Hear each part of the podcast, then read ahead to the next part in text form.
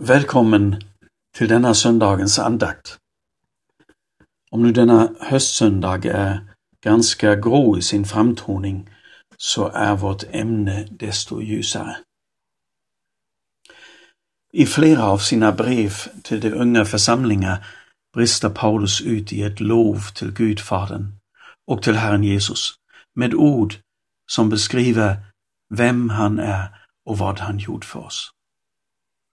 I Kolosserbrevets första kapitel kan vi riktigt höra honom jubla. Det är inte svårt att hålla med bibelforskningen som säger att verserna 13 till 20 var kända som en lovsångshum i de tidiga församlingarna.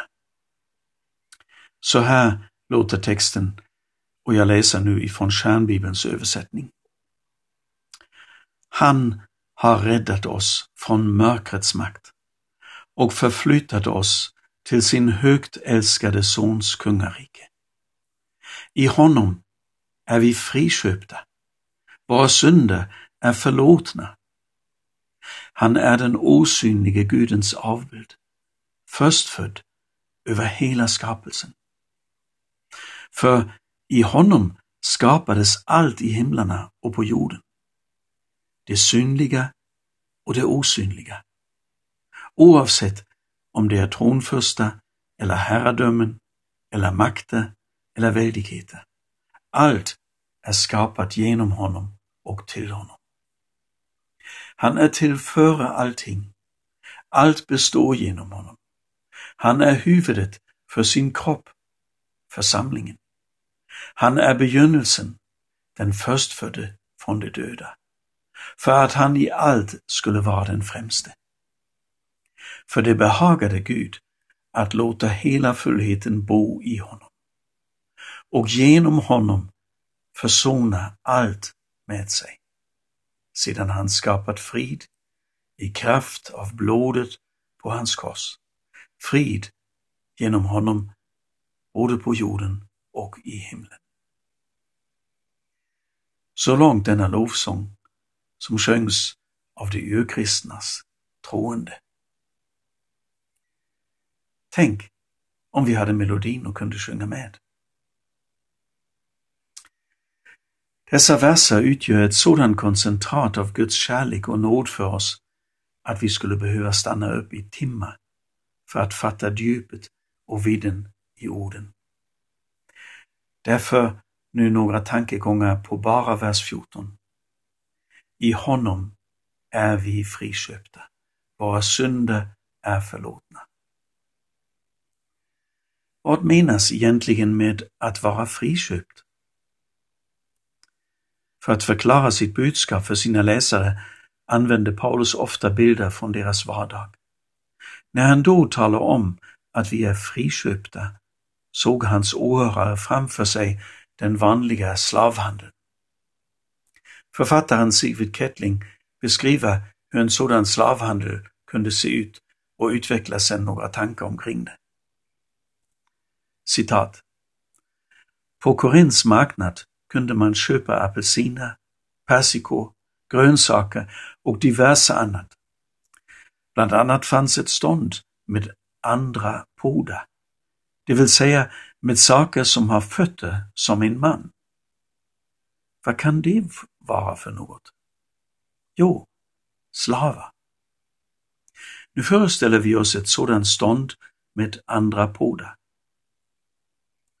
Bredvid sina premiumvaror har säljaren också några överblivna rester som han har svårt att bli av med. Redan vid första blicken ser man varför. Där står en utmärglad gestalt. Under flera år var han i händerna på en bestialsk slavägare som pinade och misshandlade honom. Den gamla kroppen är översållad av ärr.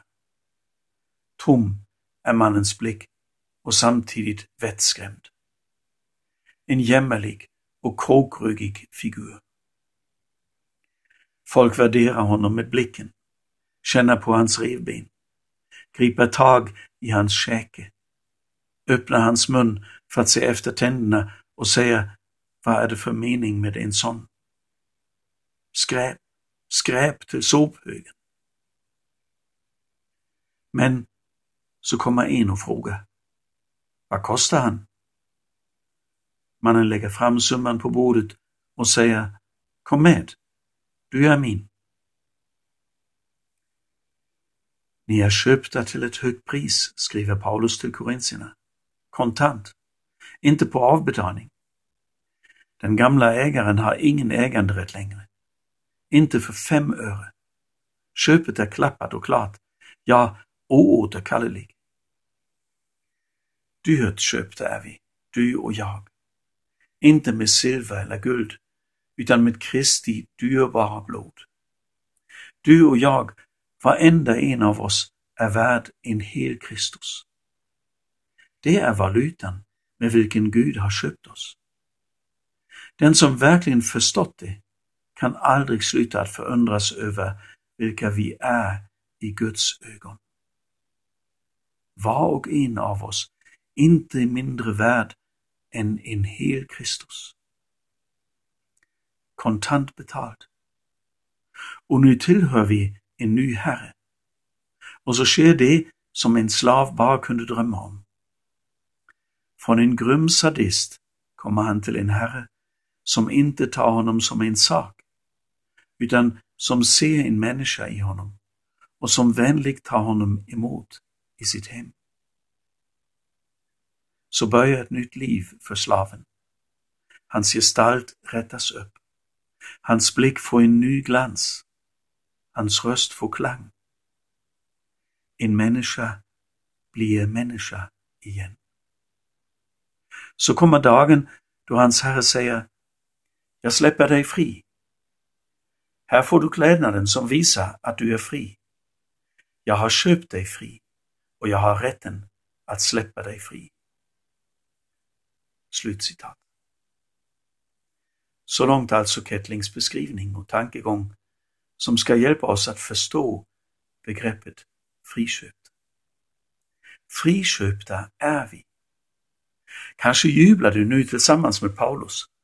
Friköpta är vi från mörkrets destruktiva makter och från döden.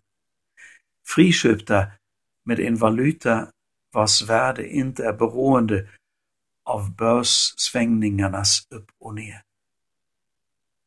Våra synder är förlåtna, borttagna, av Jesus tagna med till korset och fastsatta där.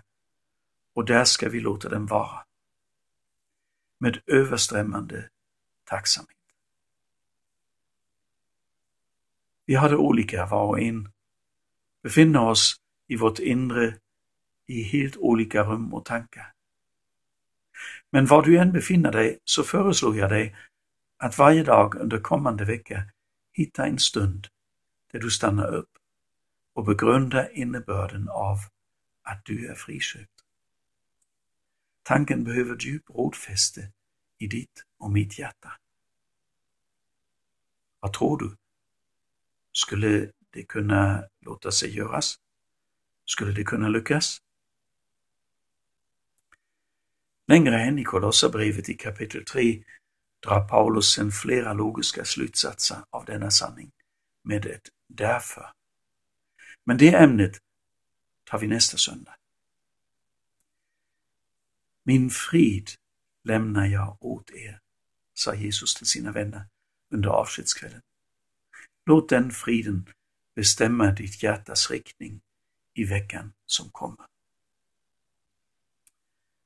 Vill du vara med och be med mig så här?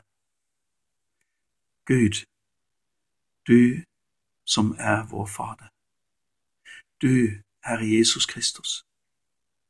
Vilken oändligt djup kärlek du älskar oss med. Så fantastisk, obegripligt den är. Aldrig kan vi fatta.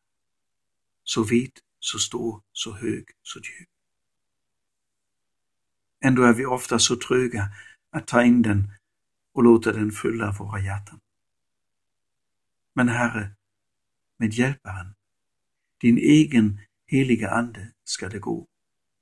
Därför ber vi dig, vidrör våra hjärtan till allt mer insikt om dig och ditt underbara handlande. Allt dig till pris och ära. Amen.